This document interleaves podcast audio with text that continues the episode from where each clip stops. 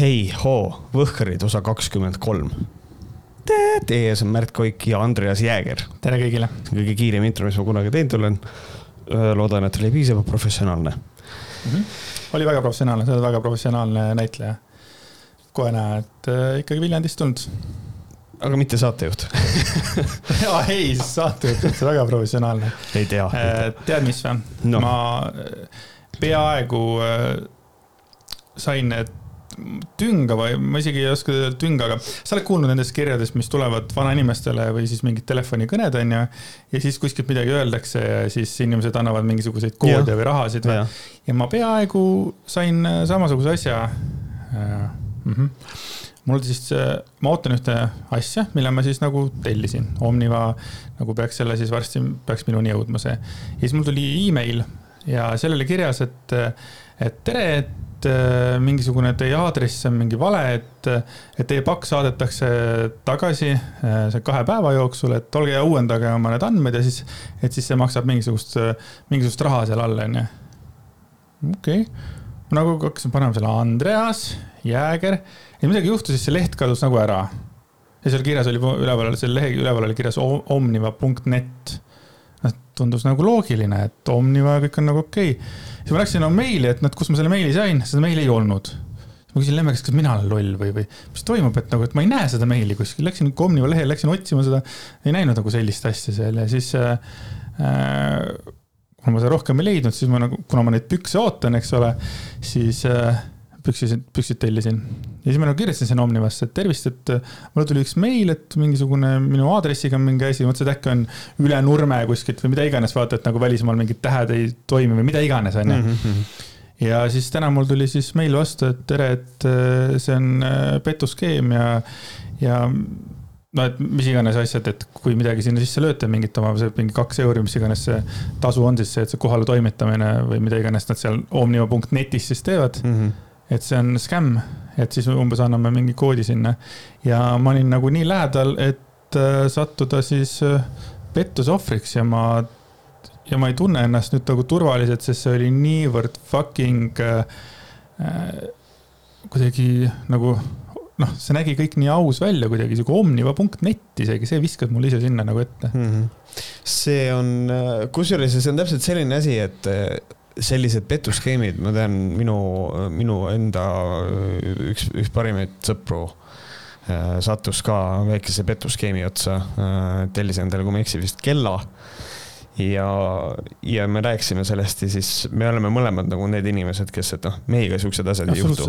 me oleme nii targad. jaa, aga ikka võib juhtuda, et äh, mingil õigel hetkel tabatud asi ja ongi nagu super minul iseenesest tekiks nagu küsimus, võib-olla keegi IT-inimene oskab sellele paremini vastata, et kuidas on võimalik see, et kas see oli juhuste kokkulangemine, et see kiri sulle tuli, aga kuskohast see omniva.net teab, et sul oli pakk tulemas? see on see, see on see küsimus nagu või kas see on, töötab läbi mingisuguse reklaami tracker'i. Äh, ehk siis noh, see on see vana hea, et sa ostad endale uued sussid ja siis Google'i reklaamid hakkavad sulle susse soovitama mm. -hmm. et kas see on kuidagi läbi selle või, et see on, see on iseenesest huvitav huvitav asi. minuga põnevaid asju otseselt juhtunud ei ole. oota, aga mis su sõbra teemaga sai siis, kas tal võeti kuskil mingit raha või mis siis juhtus? Ta tellis endale, ta vist sai, ma ei mäleta, mis see summa oli, kas see oli kuusteist eurot või mis ta oli, ta tellis mingi kella. Eh, ja, ja siis ta põhimõtteliselt, kui ta selle paki kätte sai, siis tal tekkis see tunne, et ei, et see kurat, see, see on skämm ja oligi, see on tegelikult mingi kaheeurone kell, mis ta endale tellis, no sihuke tüüpiline, ka Aliekspressist ostad endale mm. kella ja nagu, kui mul õigesti meeles on, siis tema lihtsalt võttis seda kui kuueteist eurost õppetundi, et nagu ei maksa kõike nii kergelt usaldada. sihuke mm.. et, et, et sul nagu, et sul nagu läks hästi. pluss ähm, siin on nagu, siin on nagu see moment, et minu jaoks Omniva on selline ettevõte, et kui Omniva oma lehel küsiks raha, siis mul oleks kohe häirekell endal püsti, sellepärast et vaadates, kuidas nad oma tööd teevad ja kuidas sa võid tellida paki ja siis seda kaks ja pool kuud oodata ja siis tuleb välja, et see saadeti hoopis Kuressaarde. et siis on nagu see, kurat, kui sa kodulehel raha küsid, siis kurat, ma, ma kahtlen selles. sul oli ka mingi teema oli vist, sul oli Bauhofiga mingisugune hästi kole pakk tuli sulle sinna, kus oli full blown läbi pletsutatud vist? ei, see oli K-raudtee ah,. okei okay,, sorry, sorry, Bauhof Sorry, Bauhof, jah. see oli K-raudteest ja see, ma ei usu, et see ka K-raudtee süü on, aga nagu ma oma, oma story's tegin ka nagu sellest rääkisin, et nagu K-raudteel ja Omnival on omavahel koostööleping ja nad teevad ennast üksteist lolliks, sellepärast et mina sain, ma tellisin endale uue panni ja kaks komplekti vist voodiriideid K-raudteest ja mulle tuleb, ma lähen pakiautomaati, pakiautomaati uks läheb lahti ja see ainus asi, mis seda pakki koos hoidis, oli teip selle ümber. sest et see oli tegelikult niimoodi, et ma läksin sellega koju, see kast oli täiesti puruks ja ribadeks. niimoodi, et äh, selle jaoks, et see pann ja asjad, ma tegin oma story ära ja siis ma võtsin selle kasti laua pealt. tõmbasin selle kõige suurema ava natukene lihtsalt rohkem lahti, võtsin sealt välja panni ja võtsin sealt välja äh, need, noh, need voodipesud ka, ehk siis tegelikult õnneks need olid kapis nagu, aga selles mõttes see oli konkreetselt, ma ei tea, see pakk oli mulle eelavatud põhimõtteliselt, et nagu see oli ülinõme. et mina ise arvan seda, et ta oli kuskil paki hunnikus kuskil kõige all. et äh, vedas, et seal sees oli nagu tugev pann ja, ja voodiriided, mitte mingi õrn, õrnem asi, et ma olen sellest katki läinud, et mm -hmm. aga ülinõme küll jah, selles mõttes. no see on ikka pakk, pakkimise probleem siis või siis ladustamise selles mõttes ka, et nagu mina leian, et see on Omniva Black rohkem kui K-raudtee, aga K-raudtee peaks tundma nagu muret selle üle, et nende pakk oli selline kuradi saast, kui see kliendini jõudis, sest et noh, lõppkokkuvõttes on K-raudteel on see, et meilt tellitakse ja vahemees on Omniva. et siis nagu tegelikult see heidab K-raudteele halba valgust, kui pakk on nii puruks. True, aga räägime asjadest veel, mis heidavad halba valgust ja kindlasti üks asi, mis heidab, äh, ma isegi ei tea, kas see on halb, aga sihuke veidrat valgust on see, mis toimub siin juba, äkki täna on kuues päev Toompea ees. ja, ja kus... me räägime siis ja. äh, meeleavaldusest, mis on siis seaduseelnõu number kolm neli seitse ehk nakkushaiguste ennetamise ja tõrje seaduse muutmise ning sellega seonduvalt teiste seaduste muutmise seadus. just. nagu vastu siis, selle vastu on see mm igatahes nad on, nad on tublisti siin juba tegelikult äh, viis päeva seal äh, ees olnud. ja esimene asi, mis mul, mis ma nagu nägin selle kohta, oli see, kui Hando Tõnumaa äh, ja Mariann Joonas olid siis teinud intervjuu, olid seal nagu kohapeal käinud, see oli esimene päev seal mm. -hmm.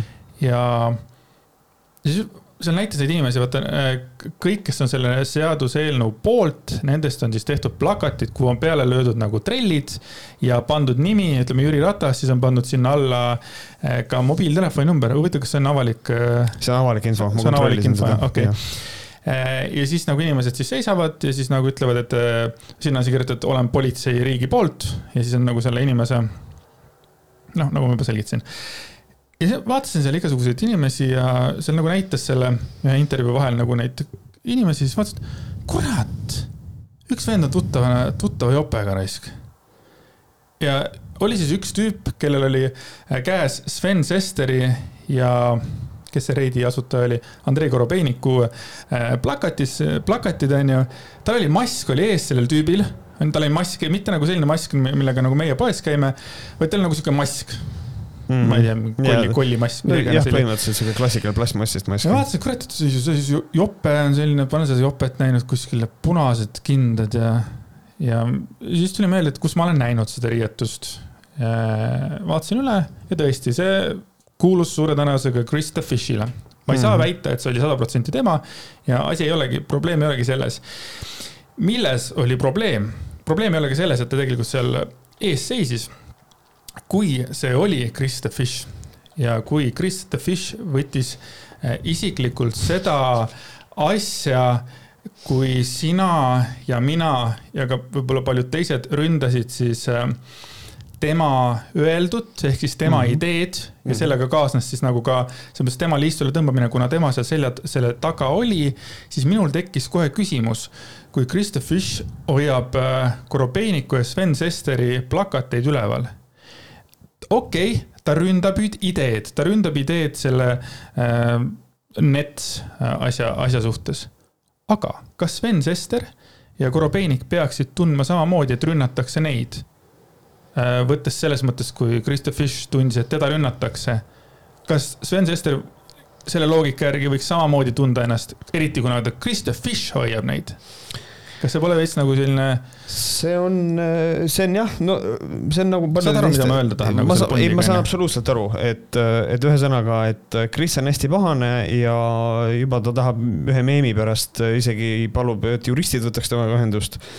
et aga ta ise täpselt samamoodi teeb põhimõtteliselt tegi nendest inimestest meemi või esitleb neid meeme, mida on tehtud ja siis äh, põhimõtteliselt, et kas need inimesed pooldavad politseiriiki, ma olen sellest päris veendunud, et mitte, et, et kui Kris äh, väidab, et mina olen teda laimanud äh, või meie, siis nagu öelda, et need inimesed pooldavad politseiriiki, et see on suhteliselt veits nagu laimule oluliselt lähem. ja veel veidram oli see, et ta on ju olnud aus mees ja alati oma näoga olnud ja kui see oli selle riietuse järgi, ma võin eeldada, et see oli Krista Fish. miks ta oli maskiga, kas, kas ta kardab halvakspanu? ma arvan seda, et tal on mingisugune. vot see on, see on kummaline, et mõnes mõttes tõesti, et miks sa seda oma näoga ei tee teine asi on see, et ma olen päris kindel, et kirurgiline mask laseb õhku paremini läbi kui see plastmassist mask, mis tal ees oli. aga ärme jumala eest siia pane noh, ärme too loogikat siia. aga võib-olla on see, et ta kardab seda, et, et võib-olla keegi pildistab neid nägusid ja siis hakkab, ma ei tea, kapo neid jälgima, aga ma panen ennast samamoodi riidesse nagu alati, ma lihtsalt varjan näo ära, sellepärast et see on hea, sellepärast et Andreas Jääger ainuüksi vaatab kahte pilti, aa, see on Kris. et nagu selles mõttes. mis meemi pärast ta kedagi kohtusse saatis kaevata? Äh, mitte kohtusse kaevata, aga see oli selline meem, kus olid need äh, tõnumaalaste stardipakett. et ta postitas, ta jagas seda oma Instagrami story's ja siis ütles, et nali on nali, äh, nalja on vaja teha, aga kuskilt jookseb piir. ja et kui sa oled jurist, siis võta minuga ühendusse, kui sa oskad mulle juristi soovitada, las ta võtab minuga ühendust. ja siis ta lisas sinna otsa täiesti suurepärase lause, et et ähm, on aeg, et inimesed hakkaksid vastutama selle eest, mida nad sotsiaalmeediasse postitavad. Okay.. paljas porgand ei ole kordagi võtnud vastutust sellest, mida ta sotsiaalmeediasse postitab. Ja ta kaitseb paljat porgandit kogu aeg, et, äh, et nagu selle koha pealt ma ei oskagi nagu mitte mingisugust seisukohta võtta, et nagu mul on selline tunne, et tal ei ole absoluutselt, ta teeb täpselt seda, mis suunas puhub tuul, et. ma olen väga üllatunud, et see Tõnu Maalaste meem teda segas, sest seal ei olnud ju midagi solvavat. seal oli kirjas ju ja. Tõnu Maalased, seal oli pandud, palju toredaid inimesi oli pandud ühe pildi peale ja seal oli kirjas ju täpselt need asjad, mida nad on mm -hmm. öelnud mm. -hmm. ma ei näinud ühtegi solvavat asja seal. ta isegi viitab, et tegu on laimamisega, mis ei ole laim, sellepärast et need on kõik välja öeldud laused, mida nad on tõenäoliselt selle poolt wow.. et see on, et see on lihtsalt wow ta nagu üritas nagu vist korra nagu karune mees olla sellest. uus teema või see on mingi värske asi või? mulle postitati Discordi, keegi tegi sellest, see on, see oli umbes, ma ei tea, mitu päeva tagasi, kus ta selle tegi wow.. ehk siis põhimõtteliselt nii veidral kombel, ta vist üritas sihuke hästi karune mees olla, aga õnnestus kahe jalaga ämbrisse astuda, et nagu tegelikult, et esiteks seal ei ole laimu, seal on teie enda laused peal. Eh, mis asi see seal sinu jaoks solvav on, siis ta, siis ta nimetas ka, et on mainekahju. ja minul, minul on nagu selle koha pealt küll nagu see, et eh, ma, ma olen täiesti võimeline uskuma, et Kris ei tea, mis asi on mainekahju, ta võib-olla mõtleb, et mainekahju ehk maine ehk käega katsutav, aga tegelikult mõeldakse nagu inimese mainet. Eh, ja mainekahju, selle, sellega ta saab ise minu arust iseseisvalt väga hästi hakkama, et endale mainekahju teha et äh, kui keegi lihtsalt äh, jagab põhimõtteliselt tema nägu ja nende samade sõnumitega, mille eest ta seisab, siis kuidas see laim on? ma ei saa aru. et nagu minul on kohe täielik error. ma kuulasin üks päev äh, Karmen Britsoni laivi ja seal Karmen Britson rääkis sellist asjast, et temani jõudis mingisugune pilt, kus tema ja paljud teised intelligentsed inimesed olid pandud nagu ühe pildi peale ja sinna oli kirjutatud lamemaalased. see on seesama vist jah? Kuigi tegelikult on Tõnu Maalast. keegi ei ole kirjutanud äh, või keegi ei ole sinna märkinud lamemaalasi. ei ole jah. ma usun, et selle meemi tegija ei ole sihuke idioot, et ta kirjutab lamemaalased sinna. ilmselt küll jah, et nagu, sest et lamemaalane on küll tänapäeval, äh, tänases Eesti ühiskonnas võrdväärne vandenõuteoreetikuga, aga nagu kui me ütleme tõnumaalased, siis see on. see on väga armas jah. see on minu arust nunnu, tõnumaalane. okei okay., aga noh igatahes äh, see on niisugune asi, mille peal nagu mõelda, et miks mees, kes tunneb isiklikult võetuna paneb inimeste pildid endal plakatiteks ja. ja ja, ja, ja peidab veel tegelikult enda nägu ka. et teised, kes plakateid hoidsid, nemad ei peitnud oma nägu, nägusid. noh, aga, aga noh, see selleks. aga seal mm -hmm. oli muidugi üks vahva intervjuu oli seal seal oli, seal oli intervjuu kahe mehega, üks oli, üks oli Tanel Kabatšenko ja teine oli Daniel Rüüman, kes on tegelikult üks ja sama inimene. ja siis äh, Mariann Joonas siis küsis seal küsimusi, et noh, mis tunne on siis ja värk-särki ja siis Tanel Kaptšenko siis, äh, ma tsiteerin siis tema sõnu, mida tema siis seal ütles. alates kahekümne kolmandast märtsist ma ei ole enam keskerakondlane, kuna mind heideti välja sealt minu postituse tõttu, kus ma väga tuliselt ja palavalt võtsin sõna mis puudutas korruptsiooni ja väga paljud tundsid ennast puudutatuna ning selle tõttu mind heidetigi erakonnast välja ma olin auväärse juhatuse ees, kus ma pidin aru andma enda postitusest ja enda sõnadest. väga paljud sõnad olid sünonüümid ja sümbolid, kuid see ei muutnud olukorda. lõpuks ma palusin ka vabandust siiralt, et kui keegi vähegi tundis ennast puudutatuna või sai haiget minu sõnade kaudu, siis ma võtan poliitilise vastutuse ja palun vabandust. erakonna juhatus võttis samal päeval otsuse vastu ja siis äh, ta rääkis ka, siis ta kopeeris selle meili ja pani Facebooki, äh, kus ta tänas oma erakonnakaaslase pikaajalise koostöö eest ja tänas neid et nüüd on ta vaba ja saab käia oma kaasteelistega. ja siis ta ütles, mina lahkusin aumehena ja see oligi see, mis mind pani tegelikult äh, seda kogu seda, kogu seda teksti nagu kuidagi teistmoodi mõtlema ja, ja nagu ka tsiteerima. sellepärast, et ta visati välja mm -hmm.. noh, minu, ta visati välja, istus üks nõukogu ja siis see Keskerakonna see põhinõukogu ja visati ta välja ja tema lahkus aumehena. jah, ta tõusis, ta visati uksest välja, siis ta tõusis aumehena püsti, lõi tolmu õlgadelt ära ja kõndis ära. aumees, absoluutselt. väga suur aumees mingid minu, minu märkused on selle peale, et ta ütleb seda, et ta võttis sõna, mis puudutas korruptsiooni, väga paljud tundsid puudutatuna ja selle tõttu mind heidetigi erakonnast välja Äh, minu arvamus on see, et mitte ainult sellepärast, et kuna tegu on aktiivse vandenõuteoreetikuga, nagu me ikkagi oleme aru saanud, siis ilmselt on nagu, ta peaks ka sinnapoole vaatama. ja teisest küljest äh, erakonnal on õigus sind välja visata, kui nad leiavad, et sa ei ühti nende suunaga, et nagu selles mõttes, et ma, ma praegu tulen siis Tanelile või Danielile, ma, ma isegi ei tea, ma tulen ühele neist praegu vastu, nii palju ütlen seda, et isegi kui sind visati välja sellepärast, et tõesti, sa puudutasid ainult seda korruptsiooni teemat ja ainult sellepärast, et nad ei taha, et nende erakonna sees oleks inimesed, siis siis see väljaviskamine on natukene naljakas.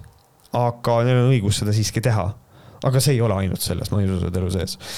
Äh, siis ta ütleb seda, et äh, kus ma pidin aru andma postitustest ja enda sõnadest, väga paljud sõnad olid sünonüümid ja sümbolid. vaat nüüd ma ei saa enam aru. paljud sõnad olid sümbolid, okei okay kuidagi suudan mõista, sõnad olid sümbolid. sõnad sümbolee-, sümboleerivadki asjade tähendust, et sõnad on oma olemuselt minu jaoks sümbol, iga sõna, mida me räägime. aga et sõna, paljud sõnad olid sünonüümid. mul on selline tunne, et ta ei tea, mis asi on sünonüüm sest mis mõttes paljud sõnad olid sünonüümid, et kuule, me nüüd viskame sind siit välja, sest et sa oled käitunud nagu hunt sa oled käitunud nagu susi, sa oled käitunud nagu võsavillem. sa oled käitunud nagu metsakuningas või nagu mingisugune või, või see metsasanitar. hallivatimees. hallivati, sa oled käitunud nagu hallivatimees. sa oled käitunud nagu kriimsilm, et kas see oli nüüd see juhatuse ees see eh, monoloog, mis talle loeti või? ma mõtlesin ka, aga mis värk on nende sümbolitega kogu aeg? see on jah, nagu Kris Kalal ka on, mask on sümbol, siis siin ka, et sõnad olid sümbolid nagu. mis sümbolid? aga ma olen nagu blown away tegelikult äh, Tanel Kaptšenkost äh, ja, ja tema sellest leadership'ist, sellepärast et hetkel, kui ma näen kuskil mingisugust äh, videoklippi, taaskord sellest, mis toimub seal Toompea ees, siis tema ruuporiga, tema on seal rahva ees. Tema ärgi-, ärgitab, mitte ärgitab ei ole õige sõna, tema kütab rahvast ülesse selles mõttes, et ma nüüd hetkel ei, ei ütle, et see on halva pärast, vaid et temast on saanud liider, mis on täiesti mm. huvitav, sest ta oli ju, nagu ma aru saan, ta oli sihuke tavaline Keskerakonna liige, ta ei olnud nagu kuskilt nagu väljapaistev. ja äkki Tanel Kaptšenko oli siis Sõidame Eestimaa vabaks, seal ta andis seal intervjuu, onju, ja siis kõva häälega seal rääkis mingeid lugusid ja nüüd ta ongi see apostel seal ees. ma olen mm -hmm. nagu väga hämmingus, et ta ei tundu minu jaoks äh, selline liidri tüüp inimene ja temast on saanud liider. ja kui ma vaatan tema Facebooki, tavalist Facebooki feed'i noh, tal oma lehte ei ole, aga ta on see, kus ma saan sõbraks ta panna mm, -hmm. kui mhm. tahaks, siis ta jagab kuskil päevas keskmiselt äh, viite, kuute, seitset, kaheksat äh, nagu äh, noh, ütleme siis vandenõu teooriat või siis äh, ka valeuudiseid.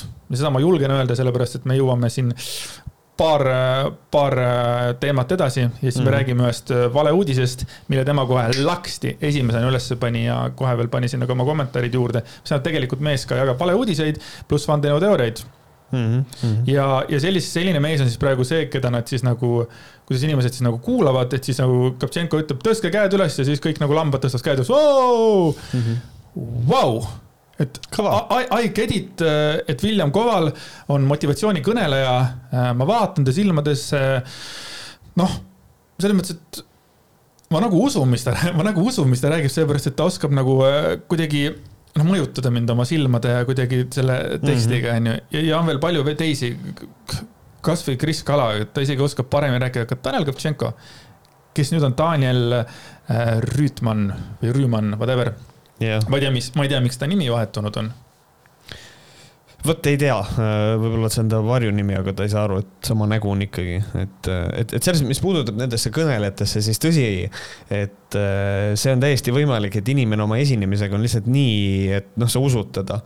aga selle jaoks ongi vaja ikkagi kuulata ja otsida neid red flag'e ehk neid punaseid lippe mm, inimese seda jutus. ei otsita, sa näed ise ka ju seda. noh, absoluutselt, seda ei otsita, aga nagu ongi, et noh, näiteks William Kovali puhul, kui tema, iga tema video algab selle disclaimer'iga, et et äh, ma räägin praegu, see on ainult minu arvamus mm, -hmm. siis see on räme punane lipp, et noh, see on sihukene, äh, aga see vabandus on iseenesest, lõpuks ma palusin ka vabandust siiralt, et kui keegi vähegi tundis ennast puudutatuna või sai haiget minu sõnade kaudu, siis ma võtan poliitilise vastutuse ja palun vabandust. see on non-apology, see on see tüüpiline, et noh, kui keegi, et sa, ma ei tea, teed näiteks, ma ei tea, LGBTQ suunas mingisuguse räige, ma ei tea, jookske Rootsis mingisuguse väljendi, siis mm -hmm. ütled, no kui keegi ennast puudutatuna tundis, siis ma palun vabandust. see ei ole, see ei ole vabandus. et noh, et, et see on non-apology pluss ma võtan poliitilise vastutuse minu sõber, seesama, kes, kes kogemata kellaskämmi sai üt-, ütles väga ilusasti, sihukest asja nagu poliitiline vastutus ei ole olemas, on vastutus. et nagu võttis vastutuse, et seda esiteks, et see poliitiline aga ta ei võtnud ju vastutust, tema visati ju välja. mis, mis vastutuse just. ta võttis? või kas, või kas äh, selles mõttes ta ju visati välja, mitte ei olnud see, et ta, tal, tal paluti lahkuda, kui ta visati välja? ei, ta ikkagi noh, öeldi, et äh, head aega ta visati välja, talle ei öeldud, et palun lahku. et siis ta ei võtnud vastutust, siis talle, siis talle visati see vastutus nagu sülle, et näed, nüüd sa pead vastutuse võtma sellega, et sa. aga noh, ma olen, ma olen ka varemgi seda öelnud, et see nagu lähenemine on hästi tugev, mis siin nagu toimub praegu, et äh, Telegrami objektiiv ja kõik need on ju. ja nüüd, kui juba Mariann Joonas ja Ando Tõnumaa mm, teevad intervjuud siis selle, sellega, selle tüübiga siis, kumb ta siis on, Tanel või Daniel ja siis tema omakorda ütleb, et noh, et tänu, tänu Kalle Grünthalile me nüüd oleme umbes siin, eks ole. ja siis äh, viskab nagu EKRE-le veel omakorda nagu positiivseid sõnu, et EKRE, siis nüüd EKRE tuleb äh, nende teemadega välja, EKRE on praegu nüüd selle äh, NETS-i teemaerakond Gerd Kingot, kõik kirjutavad sellest, äh, nüüd on nagu EKRE seal pundis. kui vanasti Tõnumaa või siin ütleme, kas aasta aega tagasi veel Tõnumaa lihtsalt coin'is EKRE-t, ta veel siin nae, kunagi oli see, kui Telegrami tahtis EKRE ära äh, omastada või osta yeah., uued uudised tuli selle asemel. ja nüüd nad on siis seal koos, äh, noh ka käes kinni, nagu see ei ole isegi piltlik, vaid ma nägin ka videot, kus inimesed hoidsid käes kinni. nüüd on siis seal objektiivi lugejad äh, näiteks äh, Joel Steinfeld äh, jagas neid sama, samu videosid ja ka Joel Steinfeld on koos teistega seal äh, Toompees praegu. noh, tema on tugev Objektiivi nagu siis fänn, eks ole, nüüd ta jagab Telegrami asju.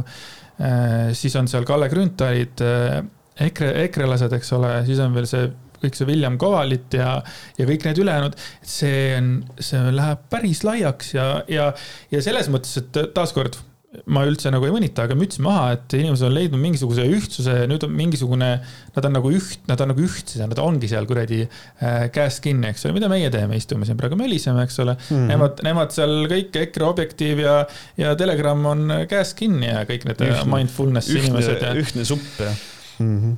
et see on, ma nüüd ei tea, kas see on ohtlik, aga see on, see on, see on, see on see, mis praegu toimub, et, et nad leidsid siis selle asja, millega nüüd olla koos jah, see on. Äh, kusjuures. monoloog praegu. Äh, no mis on okei okay, selles mõttes, aga äh, mina ise mõtlen seda, et ma mäletan, kui esimese stuudio saatejuht küsis Martin Helme käest, et noh, Kalle Grünthal on nagu selline vandenõuteoreetik Riigikogus ja ja mulle õudselt meeldis vaadata, kuidas Martin Helme oli sunnitud natukene vingerdama ikkagi. ta ei, ta ei löönud, ta ei löönud lauale ühtegi sellist, et no meil on, tal on omad vaated ja ta esitab küsimusi ja kõik.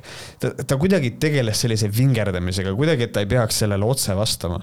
ja siis mul tekkis sealt see mõte, et huvitav, kas see on võimalik, et kui meil on uued valimised ja EKRE nimekirjas, see on asi, millele ma tahan tähelepanu täiesti, tähelepanu hoida.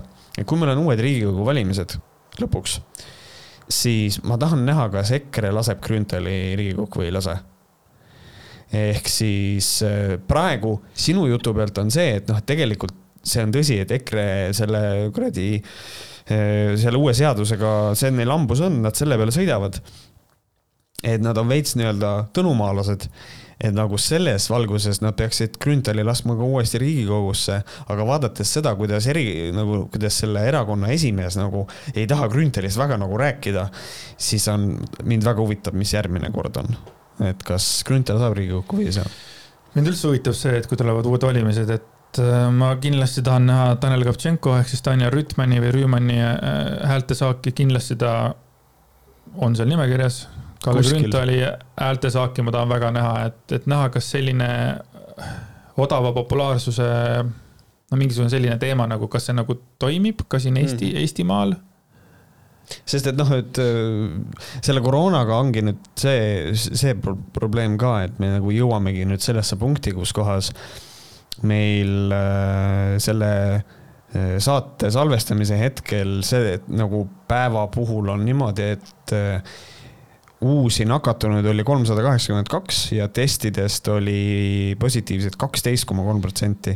ehk siis meil hakkab see koroonaviiruse asi nüüd ära kaduma jälle ja nüüd on äh, ja nüüd me jõuame ilmselt selle kirjani ka, mis meile eelmine kord tuli, et lollide laste ema on alati rase. et noh, et nüüd tuleb nentida seda tõsiasja, et äh, mingit järgmist asja on juba vaja, mille peale sõitma hakata. sellepärast, et fakt on selles, kui nüüd koroonaviirus ära kaob. praegu jah.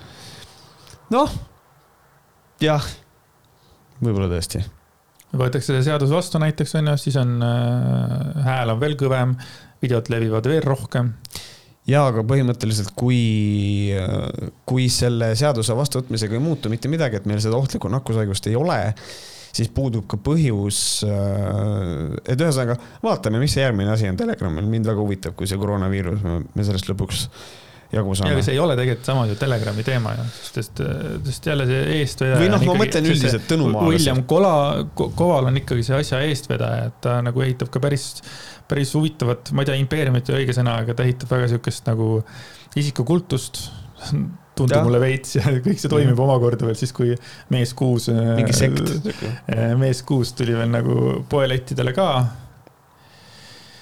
Ah, ma tahaks lihtsalt siinkohal öelda Jasper, Jesper Parve, kes ka seda raamatut ka turundas. tahan sind avalikult putsi saata, Jesper, sa oled sitt inimene. minu tagasihoidlik arvamus, aga muidu sihuke täiesti erakordselt nõme uh.. sa mõtled selles mõttes, et keda, keda ta avaldab, jah? igatepidi, see, keda ta avaldab, pluss see, kuidas ta annab välja pikki raamatuid, tutorial'id, kuidas sitt ja nõme mees olla. ma ei tea, sihuke vei-, veider inimene nii äh,, siis no, tuli nüüd kiri. tere taaskord, saatsin teile ühe väljendi lollide laste ema on alati rase kuna see tekitas pisut arusaamatusi, mitte pisut, siis lubage, ma selgitan, mis ma selle all mõtlesin. see on umbes sama väljend, ainult sada korda kurjem nagu üks loll ees, teised sada järgi või midagi sellist. ehk siis võtame näiteks 5G kiipide või maskivastaste seltskonna näitel. seal on alati üks, mingi üks-kaks suurt hääle, suurt hääletoru ees kes toodab oma paska ja siis need teised lambad noogutavad kaasa ja kiidavad takka, sest ema on ikka oma laste suurim eeskuju. Nüüd, kui olukord muutub või teooria lükatakse ümber, jääb ema jälle rasedaks, sulgudes ja on tarvis uue väitega lagedale tulla, siis need lapsed järgivad oma ema ja tuututavad sama sitta, mida nende emagi. ehk see aitas minu keerukat väljendit pisut selgitada, kõike paremat, jätkake samas vaimus. ja Marko, esiteks Marko, ma soovitan sul see lamba, lamba teema ära jätta, et ole targem et viskame need lambad välja ära solva lambaid. jah, kui sa kasutad lambaid, et nagu lambad määgivad või nagu lambakari, siis leiame sünonüümi. Kaptšenko kasutab sünonüüme, kasuta ka sina sünonüüme. jah, just. Märdi kord. minu kord on see öelda, et aitäh selle selgituse eest, sest et tuleb tunnistama, et täielik idioot, ma ei saanud aru sellest niimoodi, sest et minule tuli lihtsalt see ette, et noh, et, et lollid inimesed saavad kogu aeg lapsi juurde, minul oli lihtsalt see, -hmm. kogu aeg see. aga et kui selle mõte ongi nagu noh, mis nüüd on nagu selgem, ehk siis, et kogu aeg on tagataskus olemas järgmine vandenõuteooria noh, kuhu ma ka nüüd oma jutuga enne ka jõudsin, et, et siis see on palju selgem, aitäh, Marko, palun vabandust, et me oleme idioodid. siis võib-olla võtaks äh, nüüd selle Kristiine asja ette, kusjuures mul striimis oli hästi tore, keegi küsis, et kas sa sellest Kristiine Madinast ka räägid. ja siis keegi küsis chat'is kõige lahedama küsimuse maailmas. kes on Kristiine Madin oh,? ja see oli nii armas ja nii tore, et see ongi nagu inimese nimi, äh, Kristiine Madin, täpselt on... nagu kui sa kukud äh, liiva sees istuli, siis sul on Sandy Butthole, see on ka nagu nimi. et aga, aga Kristiine Madin. ehk siis ühesõnaga juhtus niisugune huvitav asi, et ähm, võib-olla võtame niipidi, kuidas tegelikult asjad nagu avalikkuse ette jõudsid. hakkas levima info, et Kristiine keskuses mingi tütarlaps isegi öeldi, et kuueteistaastane. kas isegi mitte neliteist ei olnud või? võib-olla, võib-olla oli ka kaheksa aga ühesõnaga igasugust vanust liikus, et oli Kristiine keskuses ja kuna tal ei olnud maski ees, siis turvad lõid tal nina veriseks ja siis äh, olid kaks pilti, üks oli siis lähemalt, teine oli kaugemalt, kus äh, tütarlaps oli äh, kõhuli siis põranda peal mm. -hmm ja verine, et üks inimene nagu jagas seda ja ei läinud nagu mööda sekunditki, kui seda jagasid äh, minu sõbralik siis kõik, kes äh, noh, sellist, no kes on siis nagu nii-öelda maskivastased mm -hmm. ja koroonaitajad, kohe sekundiga jagasid kõik seda. Need on needsamad inimesed jälle, kes muidugi ütlevad, et mõtle oma peaga, ärge unustage seda ära. et keegi ei kontrollinud mitte midagi, uudis.net oli see, kes selle uudise nagu kohe välja lasi ma kontrollisin, ma kontrollisin järgi ja seda uudist ei olnud enam äh, mingisugune kaks tundi hiljem äh, seda uudist enam ei olnud sellisel kujul, nagu ta alguses oli mm. -hmm. ma loll ei teinud screenshot'i või ei võtnud sealt seda teksti, sest seal see tekst oli tegelikult isegi veel noh, oligi otseselt, oligi kirjutatud, et täit turvamehed tulid ja peksid, seal oli nagu faktiväide oli seal tegelikult. plussis oli see, kus kõik jagati. ja siis ma mäletan, et ma nägin selle uudise ära siis ma rääkisin Lemmele seda, et kuule, et selline uudis, selline uudis on, et nagu inimesed jagavad seda. ma olen kuidagi, ma olen väga kõhklev selles asjas, sellepärast et äh, see ei ole, see ei ole nagu kuidagi väga, väga nagu loogiline, et, et et ma ootan kõigepealt ära, kuna see mingisugune Delfi või, või, või siis äh, Postimehe või kuskilt, et see, see uudis peab veel tulema, vaata, kuna see nüüd kohe see läheb suureks, onju. et see ei ole nagu loogiline, et kui see on nagu tõsi siis äh, ma olen täiesti kindel, et need turvamehed võetakse vastutusele ja see on tohutu sigadus ja selle eest see inimene saab kindlasti karistada, kes selle on teinud mm, -hmm. eks ole. et aga et ootame natuke ära, et ma nagu ütlesin kliendile, et ootame ära, siis no, tegin mingi näppisin äh, laupäeval sihuke lõunauinak ja siis, siis üles ärkasin, siis tšekkisingi, siis oligi juba Delfi tulnud siis selle nagu fakti kontrollina siis. jah, et äh, tegelikult, mis tegelikult juhtus, oli see Äh, kaks purjus inimest olid Kristiine keskuses juua täis ja hakkasid laamendama. Nad laamendasid ja siis selle peale läksid turvad nende juurde, üritasid seal korda luua ja läks rüseluseks. ja siis selle rüseluse käigus siis äh, löödi ühel supp lahti, mitte ei löödud, aga see on nagu mulle ka, kusjuures enne seda, kui ma tulin saadet salvestama, siis mingisugune inimene, kellel on äh, minuga mingisugune probleem kirjutas mulle kommentaari, et noh, et on, on ilmselge, et need ei ole professionaalsed turvamehed, sellepärast et, et noorel naisel, kes tegelikult oli kahekümne ühe aastane, lihtsalt löödi nagu nina veriseks ma oma striimis ka rääkisin sellest niimoodi ja, ja minu arust see on kuidagi nii arusaamatu, kuid aset leiab rüselus, siis rüselus oma olemuselt ei ole selline nagu filmides, mis on koreograaf, et on koreograaf on asja paika pannud. See on absoluutne fucking kaos mina olen äh, Hokotorju jujitsu trenni tehes äh, noorena, mille, meil oli niisugune asi, et noh, et püsti ei taha maadelda, ei, noh, noort, noorte puhul sellepärast, et nad võivad kukkuda viga teha üksteisele ja oli põlvilimaadlus. ja ma olen põlvilimaadlusega, lööki ei tohi teha, ma olen saanud põlvega näkku, lihtsalt otse kõmm, niimoodi, et, et ma näen tähti. ja see ei olnud löök see või tähendab seda, ma jah, mind tabas löök näkku, aga see ei olnud, mind ei löödud meelega põlvega näkku, vaid see oli, see oli õnnetus. rüseluse käigus võivad sellised asjad juhtuda, eriti kui äh, leiab aset selline olukord nagu seal, kus kohas turvamehele tungiti kallale ja nagu, kui nüüd turvamees ei tohi seista äh, enda heaolu eest inimesena, siis äh, fuck you and everything you stand for. et nagu selles mõttes see, nagu see ei ole normaalne, et inimesel peab olema õigus ennast kaitsta, pohhu, kas ta on turvamees või ei ole. ja kui, ja olukord saadi kontrolli alla, et selles mõttes äh, kutsuti politsei ja kõik, et minu jaoks on see täiesti arusaamatu. aga jah, kuidas seda ka esitati, oli kohe see, et võikad pildid, kuidas äh, tütarlaps oli mm -hmm. vere sees, onju mm ma, ma nüüd isegi ei tea nüüd, kas ma nagu arvan, et see inimene, kes selle postituse tegi ja kes siis oli see, kes selle pildid tegi ja kes seal nagu niimoodi kohapeal oli või siis nagu kaugemal oli, mis iganes see. kas see oli nüüd nagu teadlik äh, manipulatsioon ähm, või see oli siis selline samamoodi nagu turvameestel oli hetkeseis, oli ka sellel tüdrukul oli nii, et ta nagu sai aru, et see asi oli sellepärast ja siis ta automaatselt kohe nagu, ta oli ähmi täis, et selline asi toimus ja pani kohe pildi ülesse. sellepärast, et ma tean omast käest, mul on elus olnud turvameestega kui ma olen ennast üle joonud noorena mingitel pidudel või mingitel situatsioonides, mul on turvameestega noh sihukene viiekas kindlasti olnud päris probleeme ja iga kord äh, sellel hetkel, kus ma olen siis allutatud äh, kuidas, kuidas see nimetaski seda, et äh, mis, mis need on, mitte kõrgemad isikud, aga saad aru, mida ma mõtlen, võimuesindajad, võimukandjad. ma olen allutatud võimukandjate, et ma endale surutud maha, eks ole, sinna noh, mul, mulla ja käed taha tõmmatud, siis mul on ka niimoodi, et no kuradi, homme sa enam siin ei tööta ja kõik on ebaõiglus ja ongi mm ja ma usun, et noh, õhtul ma olen ka veel maru vihane, eks ole, järgmine hommik hakkan mõtlema, eks ole.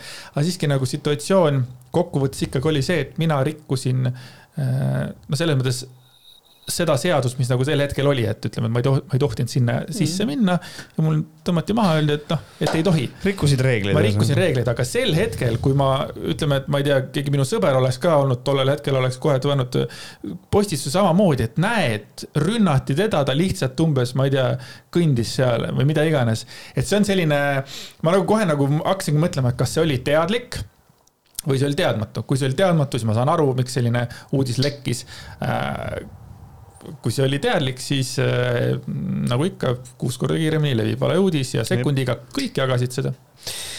jah, ja see ongi nagu selles mõttes on see ikka hirmutav, et, ähm, et mulle nagu see on ikka, see on ikka õudne küll, et nagu ma nägin neid pilte ka, mis, mida nagu jagati, et inimesed räägivad, sihuke asi äh, leidis aset ja siis on jälle punased lipud on püsti, et mina ise sündmuskohal ei olnud. ahah okei okay., siis miks sa, kust sa tead, et see on täpselt samamoodi nagu kui oli see Eh, kus ühte tüüpi, kaks turvat seal väänasid ühte tüüpi maha, see eel, eel, eelmine vana asi. et siis oli ka see, et mina olen seda videot näinud ja mina näen videost ainult seda, kuidas turvad seda tüüpi väänavad. jah, sellepärast, et seda hakati siis filmima, kui seda tehti.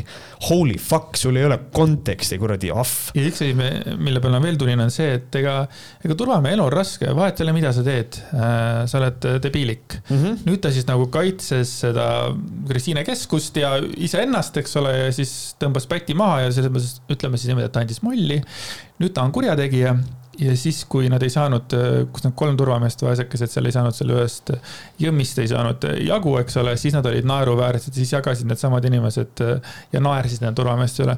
mul on nagu väga kahju tegelikult nendest meestest, kes on praegu turvamehed mm. ja kellel ei ole, ütleme mingisugust äh, ma ei tea, mingisugust kõvemat äh, baasi all, et, et ma tean ka turvamehi, kes on, ongi nagu mingisugused, ma ei tea, kick-poksijad ja mingisugused äh, maadlejad, et, et nendel on nagu vist palju, vist, nendel ongi lihtsam olla turvamees, et nad ei pea väga palju tegemagi, et nagu saada see kord majja, aga mingi Kristiine mm jälle mingi turvamees, et äh, võib-olla turvamees oli ka debiil, et ma ei saa ka öelda, et ei olnud, et kui siin praegu siin see, see vist anti ilusti politseisse, nüüd politsei uurib seda, mis seal täpselt juhtus, on ju. -hmm. aga jälle see, et vaata, mis toimub, Eesti riik, politseiriik bla, bla, blablabla ja esiteks yeah. ma hakkasin kohe, teine mõte oli, et no jaa, aga see on Kristiine, see on Kristiine fucking turvamees. see ei ole Eesti, selles mõttes nagu see ei ole mingi Eesti politseiriik, kust tulevad mingisugused yeah., ma ei tea, mingid sõjavägi või tulevad meid peksma nüüd selle eest, et, et me maski ei kanna, aga see on lihtsalt üks fucking turvamees. EOG lendab letti oma kuradi nii kõik pikali, et see on, et see on naljakas ja, ja siis äh,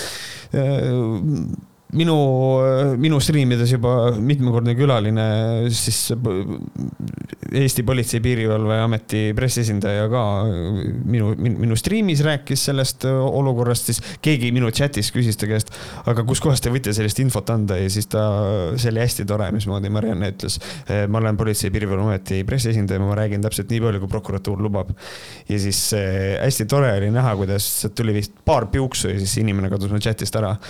Et Ähm, aga, ja siis on politsei Põhjaprefektuur on teinud äh, täiesti postituse selle koha pealt, et nad lükkavad valeinfo ümber ja siis seal all on äh, kari inimesi, kelle emad ja isad on vist õed-vennad omavahel, sellepärast et need on täiesti idioodid, kes räägivad seal sellest, et aga kuidas te saate öelda, et midagi ümber lükkate, kui te ütlete, et videosid veel vaadatakse ümber. et noh, et aga ümber lükatakse see fakt et teda löödi näkku, sest et ta, tal ei olnud maski mm. -hmm. see oli see valeinfo, see lükati ümber.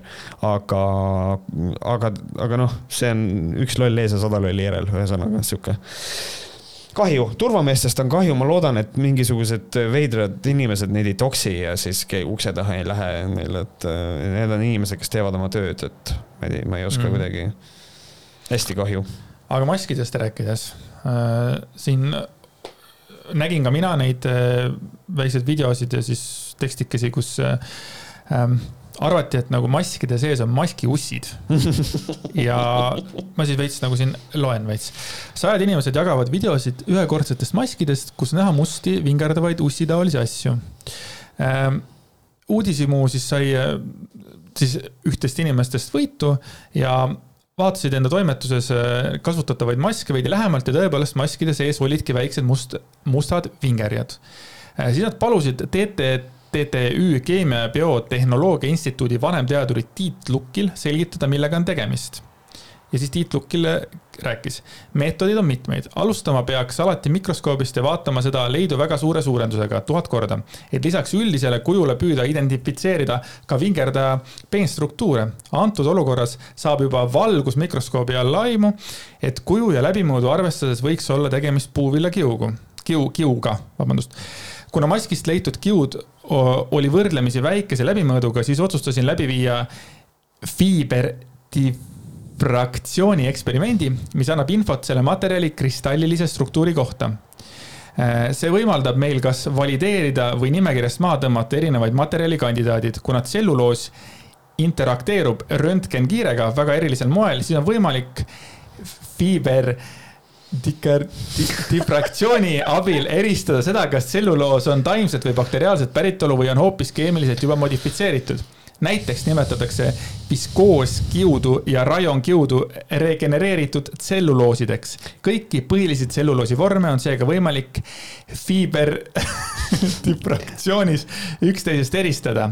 antud kirurgilisest maskist eraldatud kiu näol on tegu loodusliku tselluloosiga, mis pärineb suure tõenäosusega puuvillast. ja kusjuures ma nüüd ütleks siia vahele seda, et kui sa oled tõnumaalane siis selles tekstis on liiga palju sellist ähm, see scientific jargon, mis siin sees on, sellist väga teaduslikke, väga siukseid äh, raskeid sõnu on natukene liiga palju. ehk siis äh,. sa, sa kuidagi sõimasid meid praegu. ei, ma, ma, ma, ma, ma sõiman võib-olla the fish'i, et okay. nagu the fish võib seda lugeda, öelda, et näed, et nad üritavad mingite tarkade sõnade taha siin peituda okay aga küsimused sellele, et miks nad liigutavad, on, on, on hästi lihtne. see vastus on, põhjuseks eh, on vesiniksidemed, eh, mis ühes kiu osas võivad põhjustada mingite pingete tekkimist ja teises otsas eh, võivad pinged vastupidi maanduda. ehk siis see on lihtsalt see, mismoodi see puuviljakiud reageerib niiskusele, mitte midagi muud.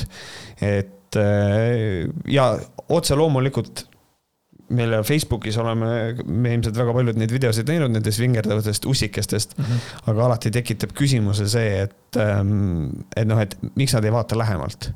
miks nad ei vaata lähemalt, mis asi see on mm,? vaata, üks äh, ütles ja siis teised kohe trš, jagasid seda mm. -hmm. Nad mõtlevad oma peaga Nad ei jaga seda, mida neile ette söödetakse, nad ei lähe kogunema sinna, kuhu neid kutsutakse, nemad mõtlevad kõik oma peaga. ja muide, enne ma mainisin, et me korra veel mainin Tanel, Tanel Kaptšenkot, siis Tanel Kaptšenko jagas äh, nii full blown seda peksmise teemat ja kohe oli täpselt seesama asi, et maski kandmise eest töö.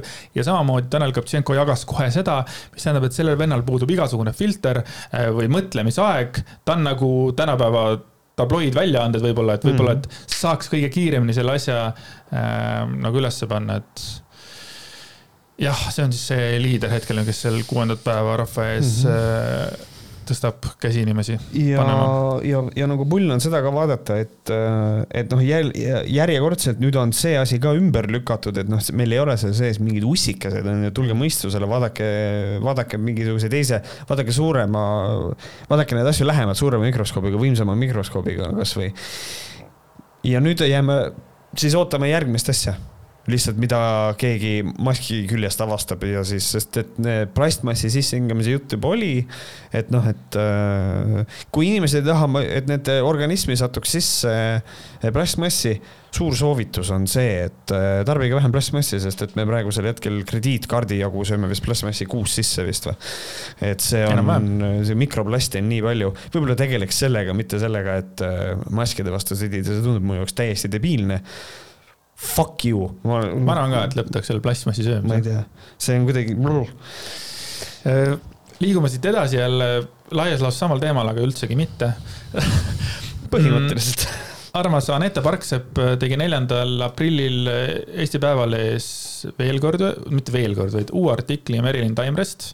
ja seekord minu arvates täiesti teise nurga alt ja ma ütlen kohe alguses ära, et ma olin täiesti blown away sellest, kuidas Merilin Taimre äh, Äh, jälgijad äh, sellesse jälle suhtuvad, et äh, kui ma nägin, kuidas jälle süüditatakse, süüdistatakse Anette Parkseppa nagu teadlikult mingis kiusu ajamises ja kuidas see inimene lihtsalt nagu noh, laias laastus nussib nagu seda porksi, onju. Mm..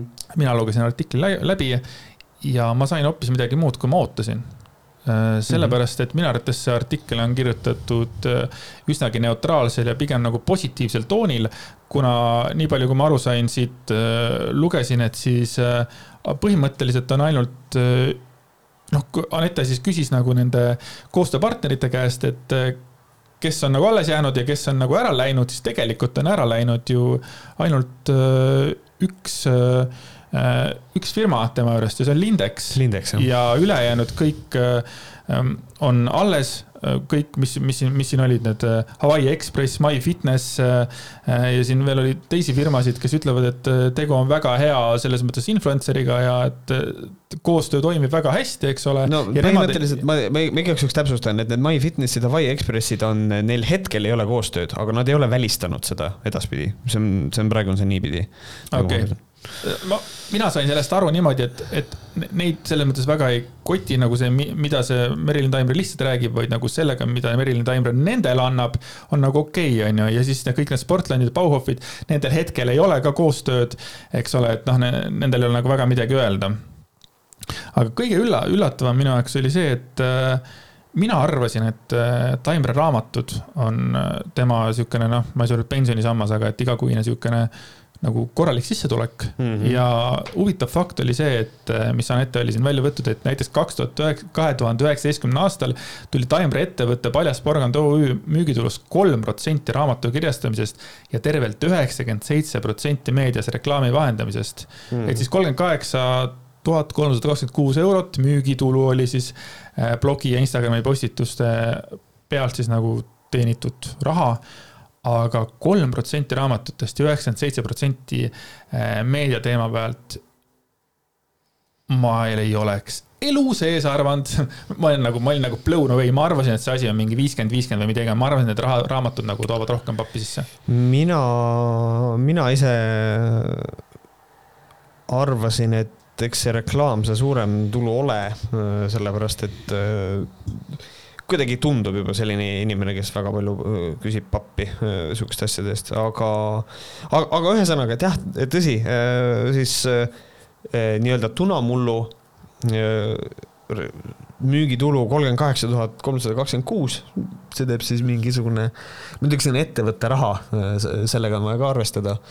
Mitte taimre raha, sest et füüsilised ja juriidilised isikud on eraldi, ta peab seal seda endale palgana maksma, siis ta maksab selle pealt sotsmakse ja asju, et nagu selles mõttes lihtsalt, et, et see oleks ühtlaselt inimestel nagu selge ja arusaadav. nüüd ähm, mis mulle sealt meelde jäi, äh, on see, või mitte, mida ma tahaks nagu tähele panna kogu selles juures, on see, et koostöö puudumist kinnitasid Photopoint, IKEA, Denim Dream, Kaubamaja, Bauhof, Sportland, MyFitness, Hawaii Express, mõned teised ka ähm, aga on rahul Borksiga ja isiklike teemade tõttu nad ei loobu koostööst. Ähm, ja siinkohal on see, et kas see on õige kui minu käest küsida, kas selline käitumine on õige, et noh, et näiteks MyFitness noh, et näeb, et propageerib valeinfot. Siis kas see on õige temaga koostööd teha, sest nagu me võime öelda, et eetiliselt nagu ei ole, aga noh, tegelikult nagu oluline, mis Eestis loovad, on seadused ja seaduslikud, noh, selles mõttes on. et me tahame, et ta toob meile kliente juurde.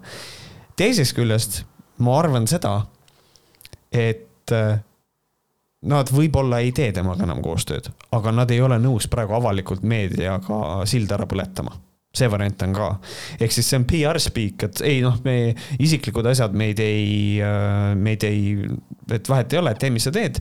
sest et nad justkui ei taha vist Eestile influence idele ka võib-olla nagu eh, varba peale astuda, aga teisest küljest, kui neil on sõelal erinevad inimesed, siis võib-olla porgand nüüd kukub läbi sõela.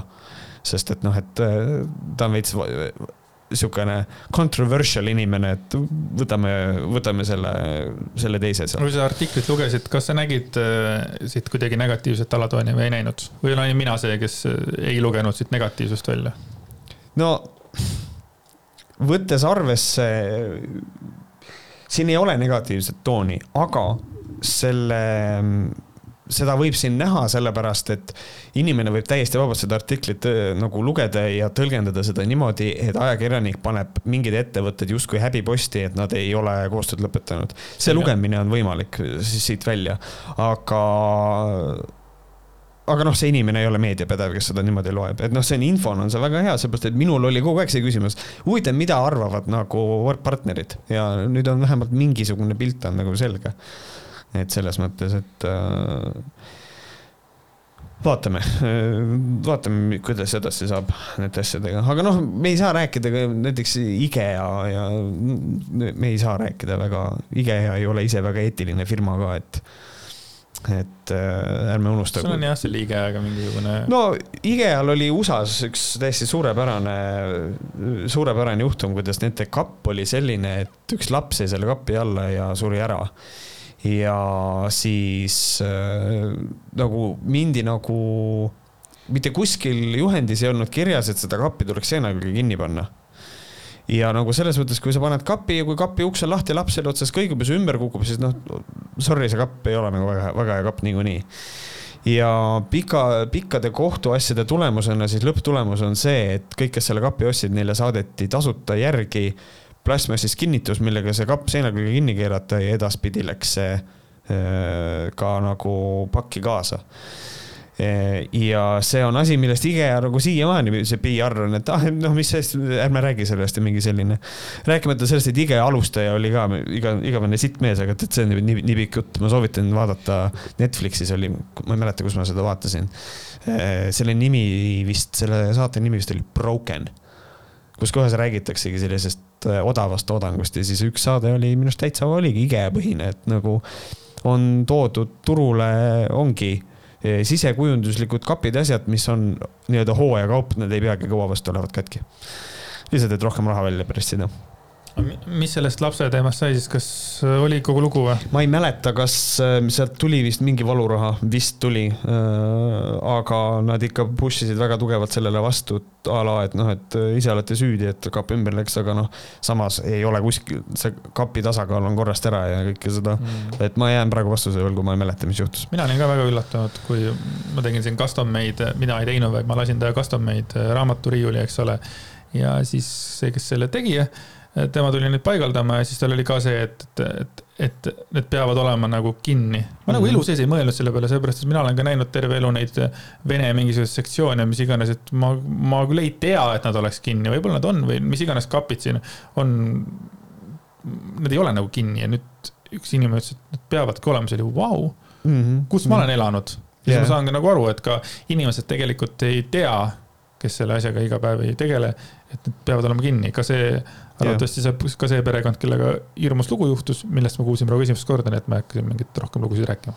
Jah, et noh, ja, ja seda enam see, see, see, see kapp, mis sellele lapsele peale kukkus, ei olnud nagu laenikapp, vaid see oli noh, mingisugune nii kõrge. siukene ja, et see oli üsna, aga tal Faa. oligi see, et sa, kui sahtel välja tõmmata, kui laps selle sahtli otsa nagu läks nagu redelist ülesse, siis see kukkus talle peale. Faak, sellised kapid on meil ka ja on lahtised siin. Eh, kontrolli igaks juhuks kõik üle, eh, et kas need võivad kukkuda et mhm. see on, see on probleem. okei okay,, aitäh nii, äh, siis äh, ütleme siis niimoodi, et lühikesed teemad ja kerged teemad on nüüd läbi. nüüd läheme siis äh, päris teemade juurde ja nüüd hakkame rasketest teemadest rääkima. et rääg-, et kuna me just rääkisime lastest ja suurtest õnnetustest, Venno Loosaar mõisteti süüdi äh, lapse seksuaalses väärkohtlemises. kümneaastase lapse. kümneaastase lapse seksuaalses väärkohtlemises süüdi ja Loosaar on öelnud, et tema kaebab otsuse edasi, aga mul ei ole muud öelda, Andres, kui palju õnne, et sa ei pea vabandust paluma, et ta on kohtulikult süüdi mõistetud. ma ei pea vabandust paluma, tõesti mm,. oi, siin on olnud nüüd äh, palju erinevat diskussiooni selle, ma ei tea, nädala jooksul, et kas see on õiglane karistus või ei ole. mis ta siis sai, ta sai viis aastat äh, tingimisi ja siis samamoodi ka veel äh, mõisteti välja sundraha tuhat nelisada kuuskümmend eurot, ekspertiisitasud kaheksasada seitsekümmend üks eurot ja samuti kannatanu esindaja kulu summas kolmkümmend tuhat kakssada kaheksa eurot. see on minu kõige suurem äh, hüüumärk siin, täiesti perses, kui kallis on mhm. advokaat, holy fuck. vaata, see ongi see, selle uudise põhjal ma hakkasin mõtlema, miks Eestis eh, tegelikult neid kohtu case'e väga palju ei ole. selles mõttes, et kui ikkagi keegi eh, noh, võib-olla Chris, Chris the Fish kaebab kohtusse selle inimese, kes selle meemi tegi, on ju. aga ka temal tuleb arvestada sellega, et tema võib kaotada.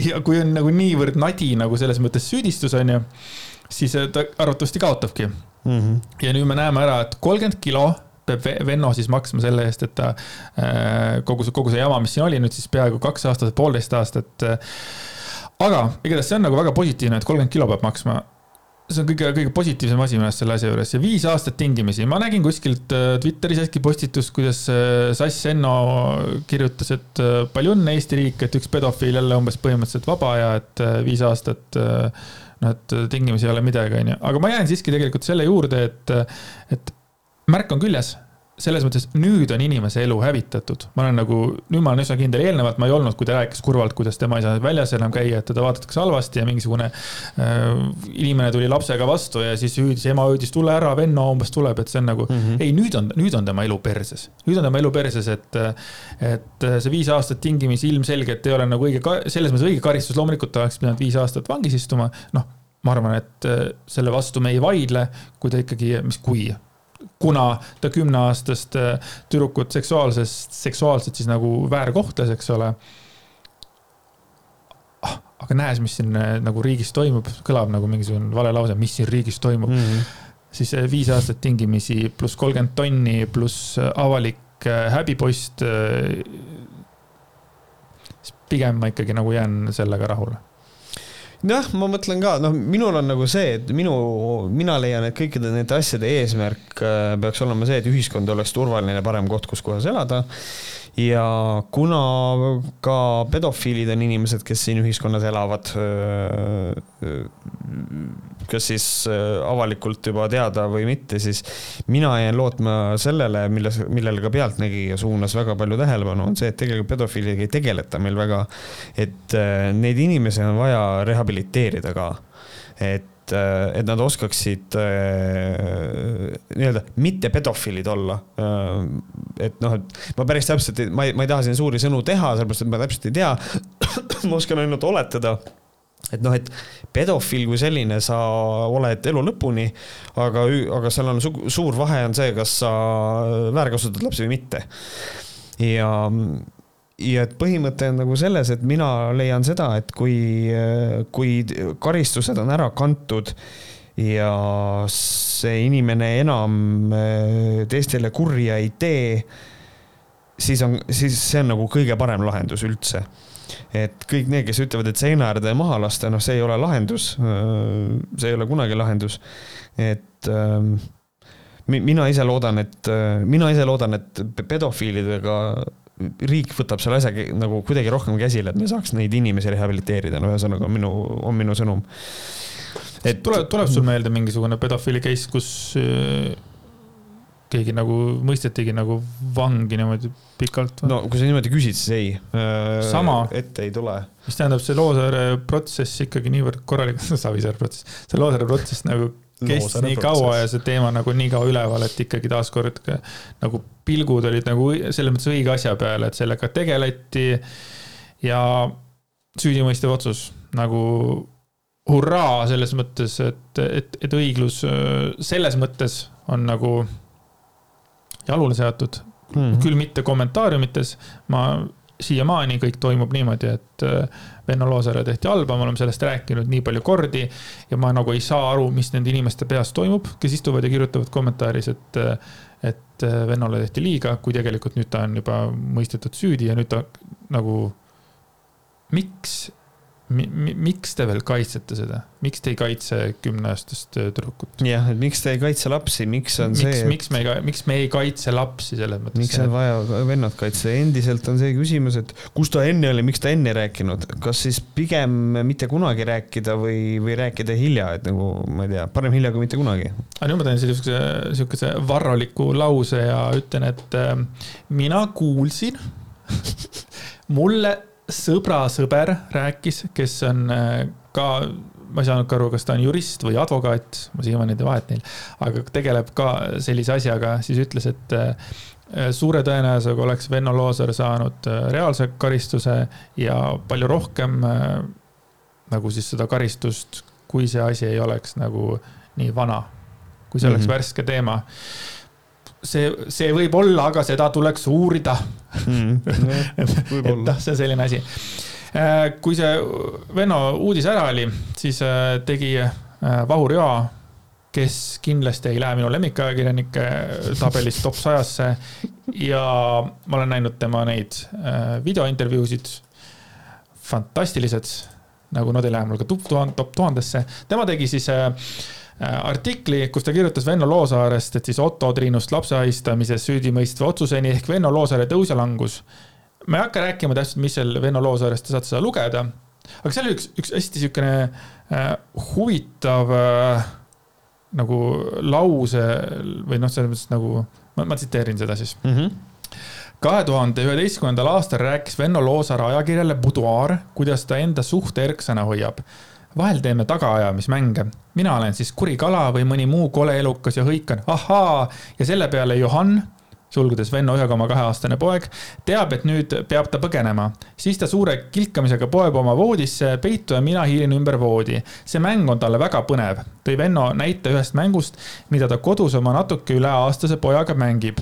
lisaks tagaajamismängudele ärkavad sageli ellu ka käpiknukud. näitemänge teen nii naisele kui ka lastele. mängulisus on oluline, see hoiab suhte erkse minul tekkis kohe küsimus, et ma olen suur Venno Loosaare äh, mitteaustaja, aga kuidas kogu see äh, puutub kuidagi asjasse? ma arvan jah, et see on mingi cherry pick, see on, see on, see on, see on hästi kummaline, ma ise lugesin ka seda ja ma ei suutnud nagu aru saada, miks, et ta oma lapsega, kuidas ta mängib ja siis on siia peale pandud, et ta teeb naisega näitemänge, kes hoiab suht erksat, see on, ma ei tea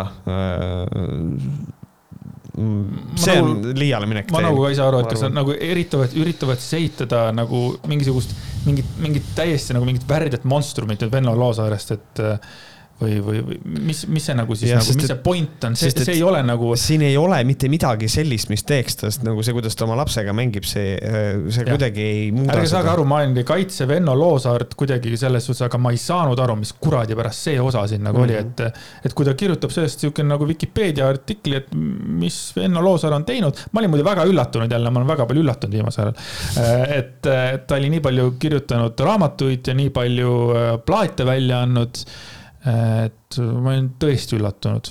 ärge unustage ära see, et tegelikult äh, Venno Loosaar Otto Triinu räpp, Otto Triin, Otto Triinu räpp oli üks, ma pakun, et äh, neljas Eesti hip-hop lugu, mis mul kohe otseselt pähe tuleb, et äh, Otto Triin tegi ennem hip-hopi kui Genka. Don't you forget it, see on üheksakümne neljanda aasta kassett oli see Otto Triinu kassett ja seal oli Otto Triinu räpp ja Otto Triin, saad aru, Otto Triinu Otto Triinu saatest oleme õppinud ära ühe toidu, mida ma teen siiamaani, ma väiksest saadik hakkasin seda tegema, siis kui ma Otto Triinu vaatasin, ütleme, kui ma olin mingi üksteist või kaksteist, kui ma, jah, siis ma veel vaatasin. ja see oli üks niisugune toit, kus nagu võtad selle leiva, äh, lõikad siis leiva nagu väikesteks tükkideks no, no põhimõtteliselt nagu praeleib, viskad selle panni peale, äh, siis ta seal natukene valmib ja siis äh, lööd sinna munad peale, siis teed muna ja leiva mm -hmm. nagu niisugust segu ma olen teinud fucking aastast üheksakümmend viis seda siiamaani, ma teen seda, see on mul üks, üks sihuke mõnus mugav toit, mida teha, eks ole mm., toitev ja hea ja selle ma õppisin Otto Triinu saatest. ja nüüd tuleb välja, et see on pedofiili toit. ei no selles mõttes jah, et, et, et, et Venno Loosaar ei ole olnud mul mingisugune eeskuju, aga mul no. lihtsalt tuli see nagu meelde lihtsalt, et, et, et ma olen sealt saanud siukse nagu huvitava toidu, onju. aga jah palju õnne meile kõigile. palju õnne meile kõigile ja muud ei olegi öelda, kui vaatame siis, kuidas see edasikaevamine läheb ja ja kas. Äh, kas on mõtet, ma ei saa aru, kas on mõtet, sa pead kolmkümmend kilo maksma veel nagunii onju, nüüd sa kaevad, kaevad, palju, palju siis vennal seda raha on, palju tal siis see naisel seda raha on, sest ma saan aru, et naine nüüd on tema rahakott ka noh. et siin on, vaata, siin on mõnes mõttes see, et kui sa ikka tõsiselt, kui inimene tõsiselt, inimesel on õigus enda eest seista ja kui inimesel, kui inimene tunneb, et talle tehakse liiga või kui ta teab näiteks, et ta on süüdi ja ta tahab endast meeleheitlikult läbi kohtusüsteemi jätta muljet, et ta ei ole süüdi. et siis see võitluse võimalus on tal olemas, aga see on tõesti, see on väljaminekuna päris jõhker, et selle kolmekümne tuhande eest oleks, seda oleks saanud ka teisiti ära kasutada kindlasti. aga jah, see selleks, aga kuna me siin juba räägime alaealistega tagaajamisest või, või kalalaulu või mis iganes, siis ühesõnaga, kusjuures äh, mulle jagas keegi mingisugust meemi Venno Loosaare kohta, kuidas ta käis Rooside äh, sõda saates. ja siis äh, nad olid, Venno oli seal kui ansambli Kala esindaja ja siis äh, Venno midagi, noh, Kristjan Jõekall on ka seal bändis olnud ja siis kuidagi see praeguses kontekstis on see nii creepy. sa oled näinud seda ise? see on Youtube'is ka. see on Youtube'is, et mismoodi Venno Loosaar ütleb, et noh, aga sa olid ka meil bändis ja siis katsub äh, siis Kristjan Jõekalda kätt ja Jõekalda tõmbab käe ära, ütleb, kuule ära näpi mind kogu aeg, ma sellepärast bändist ära tulingi mm. -hmm. see on päris kaare. muide, veel üks asi, mis mul meelde tuli. ma rääkisin, et kunagi ma tegin äh, Meriliniga pilti, mul on ka ansambel Kalaga pilti tehtud aastast kaks tuhat neli, kus ta käis meil suvepäevadel esinemas ja seal on ka Venno peal ja, ja Sepo ja kõik asjad, selle pildi ma mhm. viskasin ära mingisugune kolm kuud tagasi okay.. ta oli mul nagu, noh, fotona oli väljas see on oh,, aga keegi, keegi leiab selle pildi kunagi kuskilt üles, siis hakkab liini ajama, et mismoodi te olete mingi ühe võrgustiku liikmed võib-olla, ma ei tea. aga ma olen väga palju pilte teinud, ma hakkasin praegu mõtlema elu jooksul. see on huvitav, ma viimasel ajal ei tee üldse pilte. ma ei tee ka viimasel ajal pilte, aga ma olen nagu eelnevalt teinud, ütleme mingite mm. inimestega, ma vaatan, et oh, ma ei tea, ansambel Kala esineb, noh, poiss, lähme teeme pilti, et äge oleks mm. -hmm. ma olen nagu kogunud neid mälestusi, vaata mm.. tore. mälestused. aga kes veel saatis pildi, oli siis üks äh, jalgpallitreener. oota, üks lugu tuli veel meelde. nii äh, kõikide nende inimestega, kellega ma olen pilti teinud, juhtub midagi halba, sellepärast et äh, ma mäletan, ma tegin beebilõustaga pilti ja see, seal ei läinud palju, see läks mõni kuu läks mööda, kui Baby Loust tõmbas vaata ennast üle ja läks äh, seda röövima mingisugust asja. jah.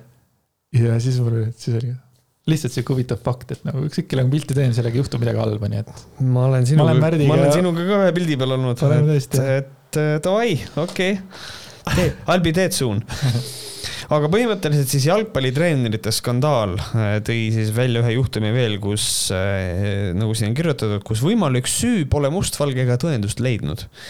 ehk siis üks naistreener äh, varjunimega Aili treenis alla kolmeteistaastaseid tüdrukuid ja siis ühel päeval sai see töösuhe Floraga ootamatult läbi.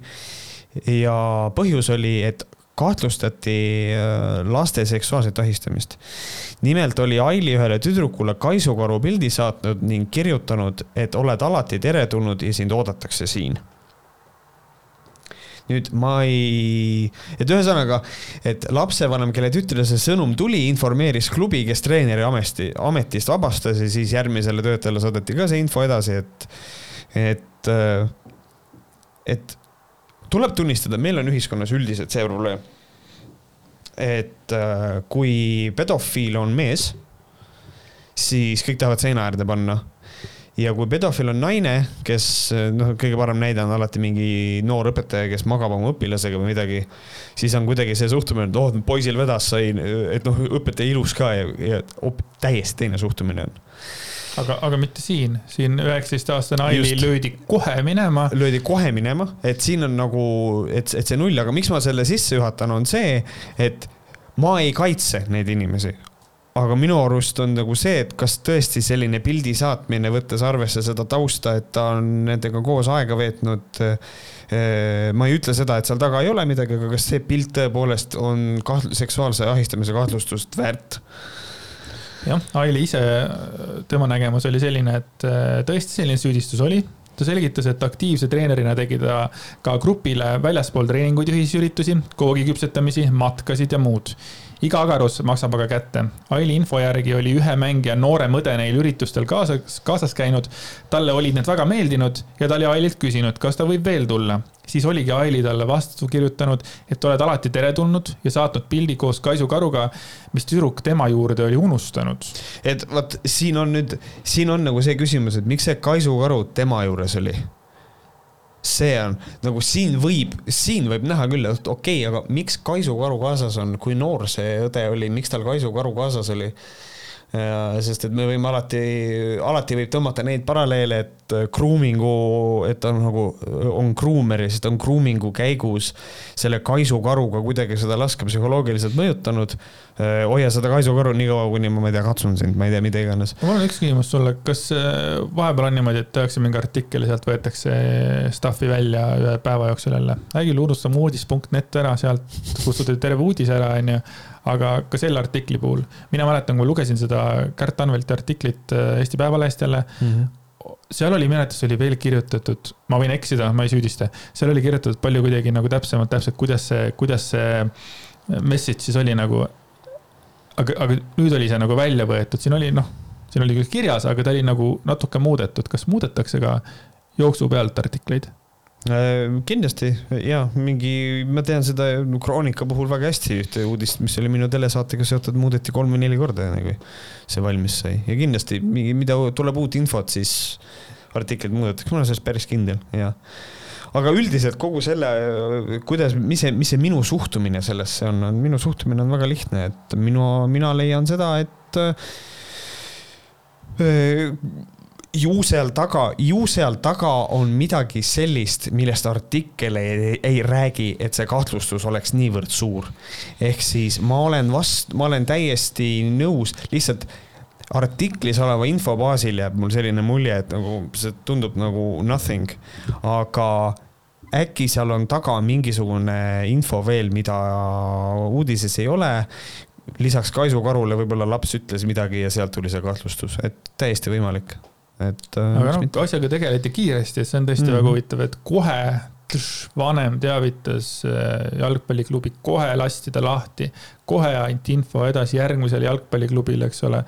et väga-väga äh, kiirelt asi toimib.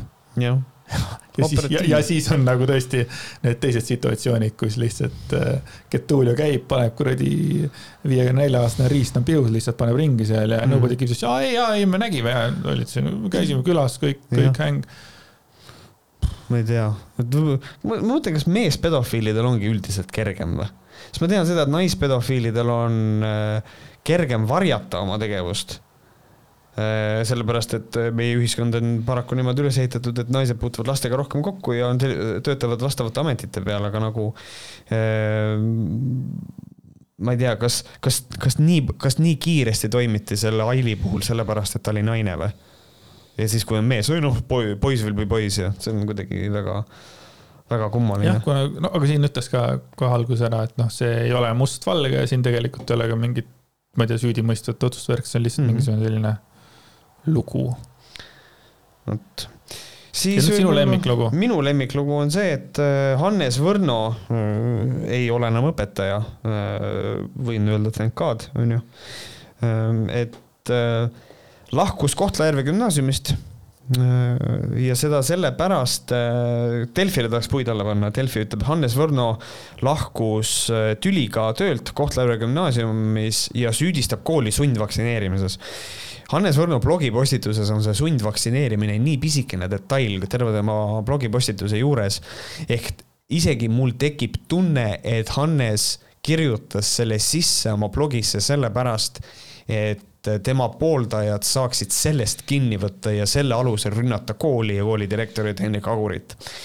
Ähm, aga ühesõnaga Võrno kirjutas ühe hästi nartsissismist pulbitseva blogipostituse, kus kohas ta ütles, kui hea õpetaja on, et teda käidakse, õpilased kiitsid teda ja ja, ja pärast ta situb nendele õpilastele peale, öeldes, et nad ei oska oma emakeelke korralikult rääkida, milleks on siis vene keel.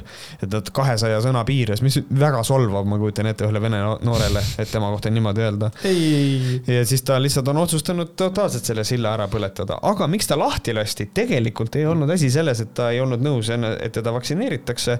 ütleme kohe ära, et Agur äh, saatis ilusasti Delfile ka selle kirja, mis ta õpetajatele saatis, kus ei ole sundvaktsineerimisest juttugi, vaid palutakse, et kui, kui teil ei ole vastunäidustusi, siis palun laske ennast vaktsineerida, kõik. see ei ole sundvaktsineerimine.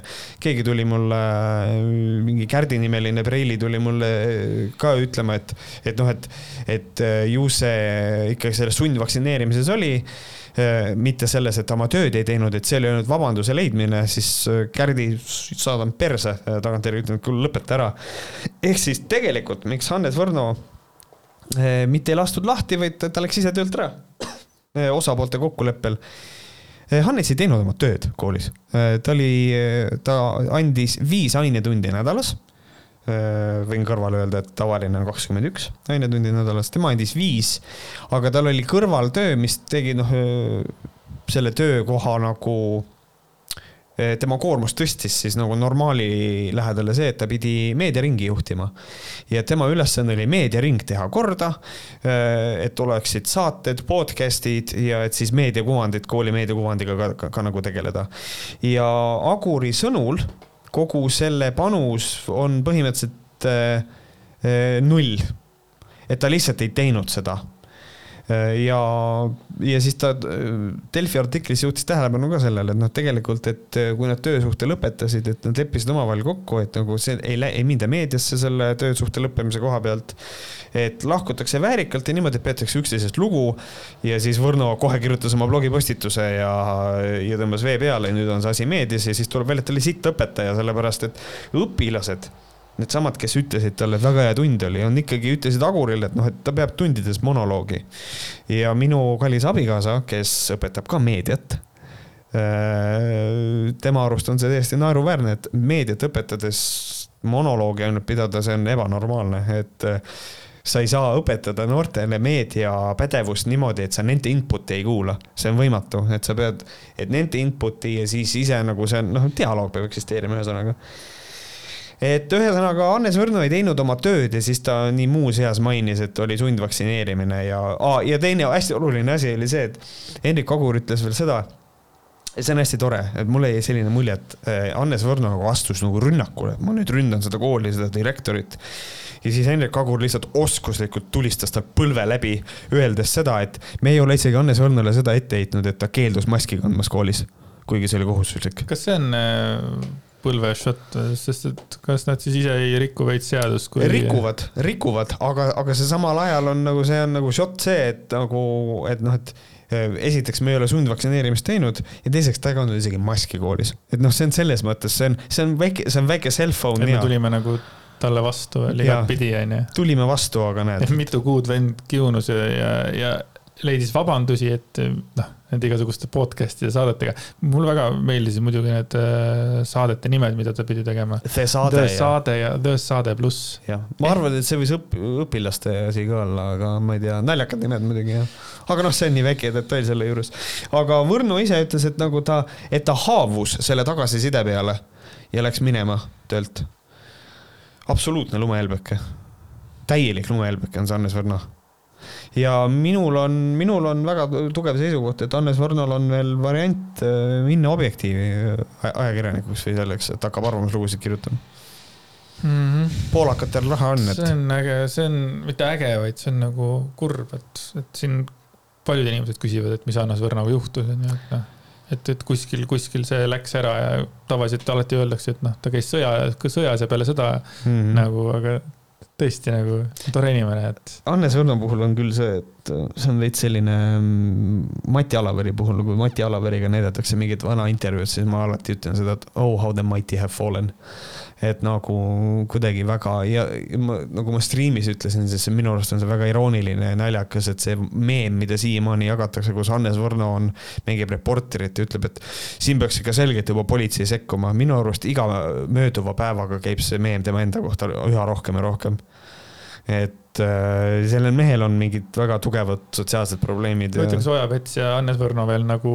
on kuidagi suhtluses ka või ei ole, sest et ma näen, et Ojapets on nagu täiesti teises nurgas võrreldes äh, Hannes Võrnoga nagu. jah, ja ma arvan, et väga ei suhtle, et ma, ma arvan, et siin on ikka räägitud aeg-ajalt, ma olen tähele pannud, et noh, et võiks ikka kamba uuesti kokku võtta, et noh, et, et, et tõsi, et Tarmo Leinatamm ei ole enam meie hulgas, aga et äh, et noh, et Kreisi raadiot veel teha, aga need inimesed ei taha enam, ma arvan, koostööd teha, et see on niisugune mm -hmm. lollakas aga nüüd hüppame täiesti jälle te teise nurka, et üks väga armas lugu oli sellest, äh, mida kirjutas Pärnu Postimees, äh, kuidas äh, siis, mis on siis infotelefon üks, kaks, neli, seitse, see on siis nagu eelkõige koroonakriisi infotelefon.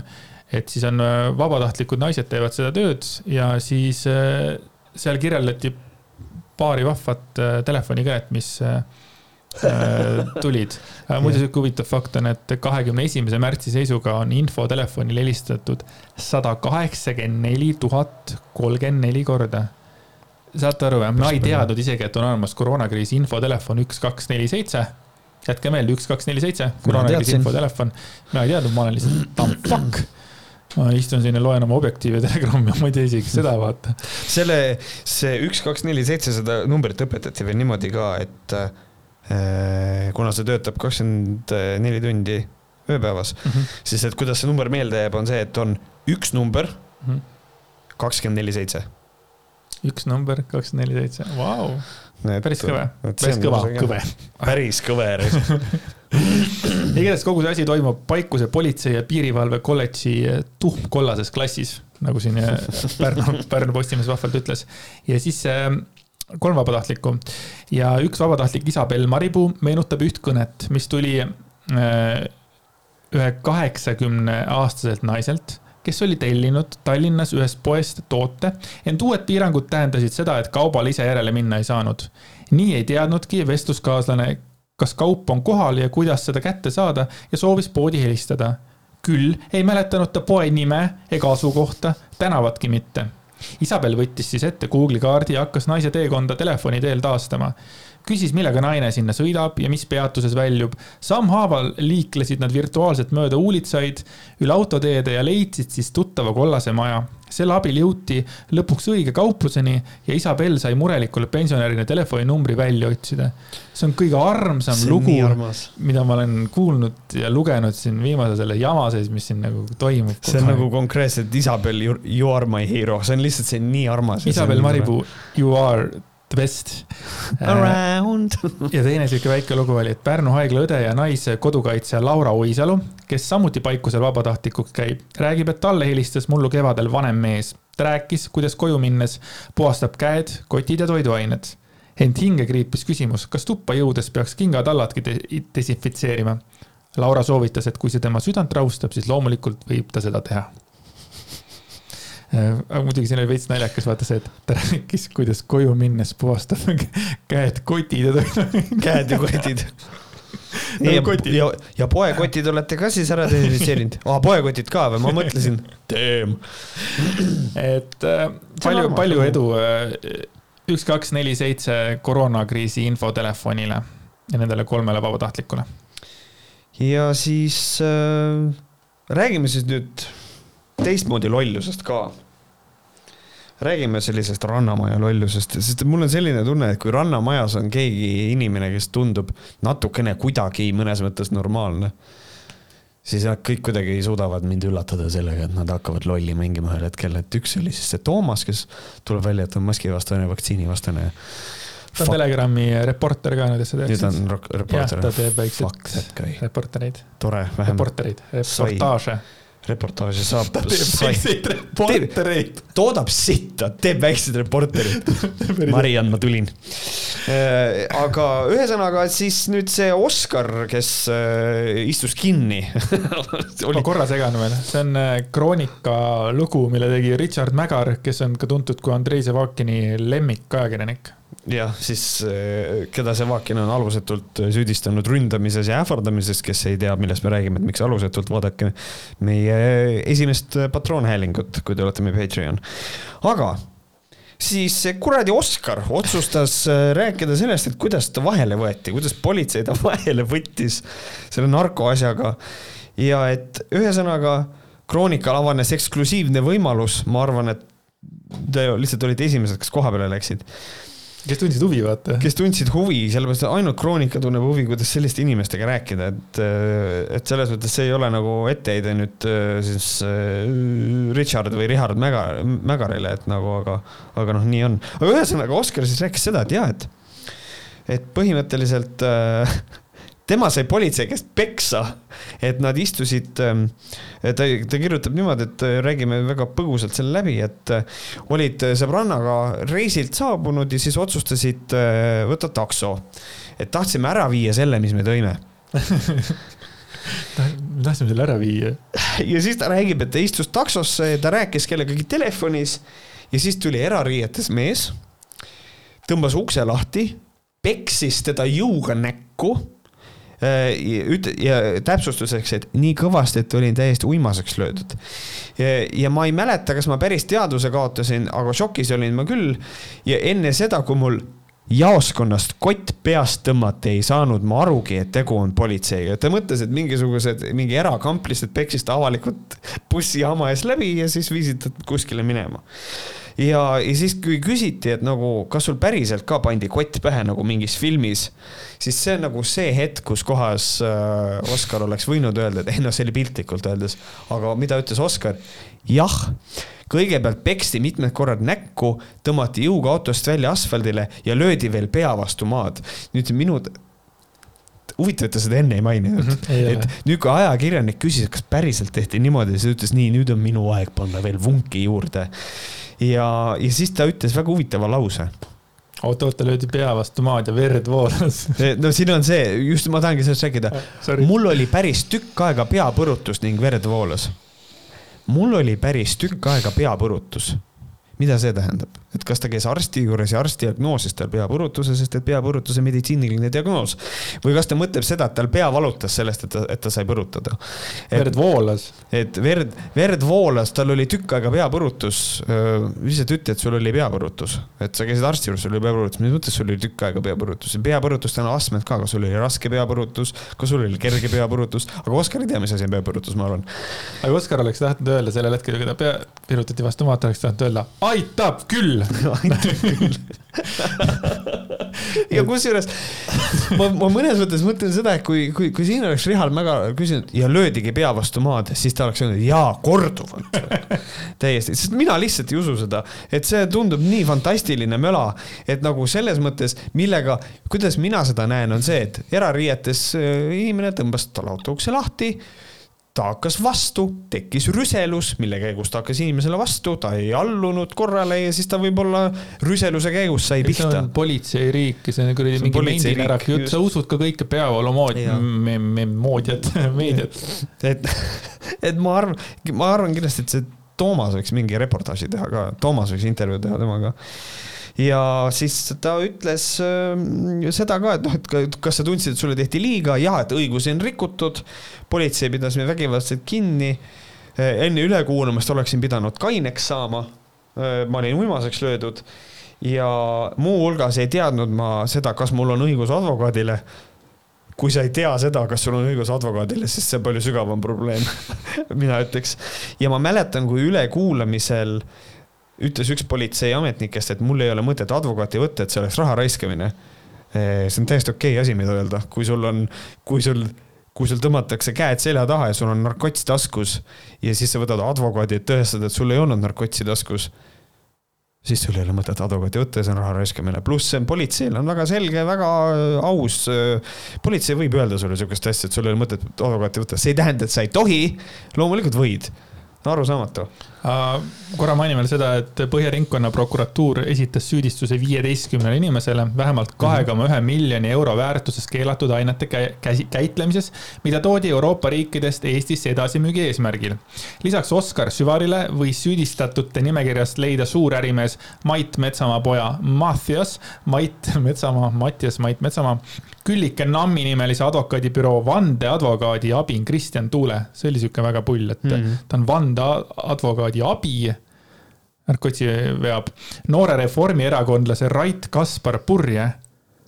Rait Kaspar Purje, noor reformierakondlane mm. -hmm. ning tuntud fotograafi Jaanar Nikker. Just saying, et. Kaja, kas see reformierakondlane on välja visatud juba? Äh, kui ta oleks Isamaas, siis Helir-Valdor ütleks, et ei, no, see on või... nende inimeste, see on neile viieteist inimese. väga isiklik omavaheline oma, asi. isiklik omavaheline asi. ja, ja ta isegi ei kuulnud peale kellelegi, nii et.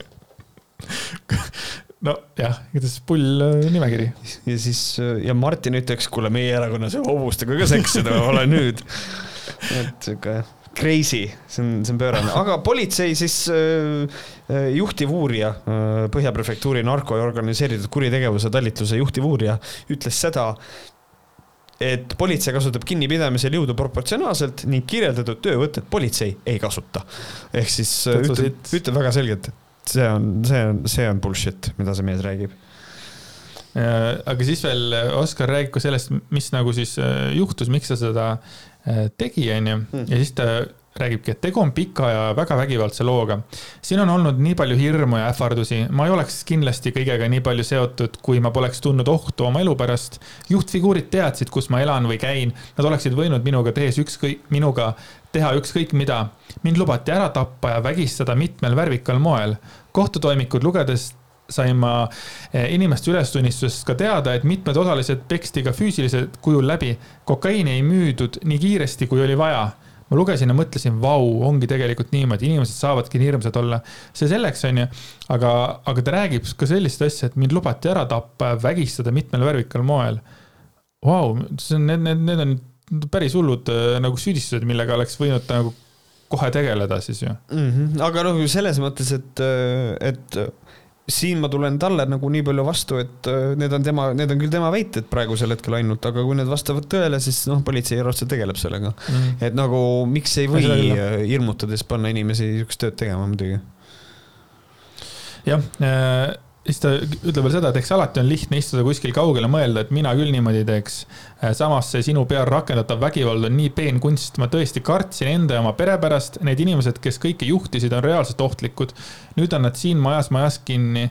Äh, jah, kui see nagu on niimoodi, nagu ta ütleb, on ju, et, et see on tõsi kuigi kuidagi kipun ka kahtlema selles mõttes, et arvestades sellega, mis Jorupit ajas selle äh, kinnivõtmisega äh,, verejooksud, põrutused, kotid, ta ei saanud aru, mis kinni võetakse, ta ei tea, et on olemas võimalik advokaat võtta äh,, siis kuidagi et siis kõige selle valguses kogu see jutt on, nojah, vaata, siin ongi see, et kui sa nagu nii räigelt valetad, siis äh, tuleb tõdeda seda, et et noh, sa devalveerid oma seda päris juttu ka, kui sa. ja, aga ära unustame siis ka ära, et ikkagi me räägime siin kahe koma ühest miljonist äh, eurost mm -hmm. ja nagu organiseeritud kuritegevus, kus viisteist inimest veavad narkotsi üle.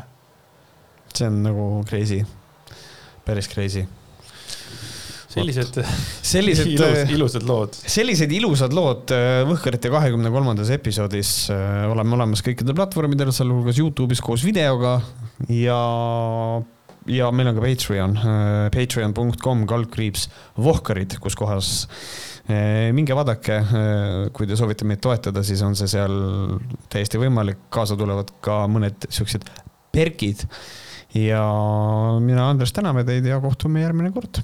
õhkarid.gmail.com, õ on kuus. just, kirjutage meile. jah, olge tublid, tšau. tšau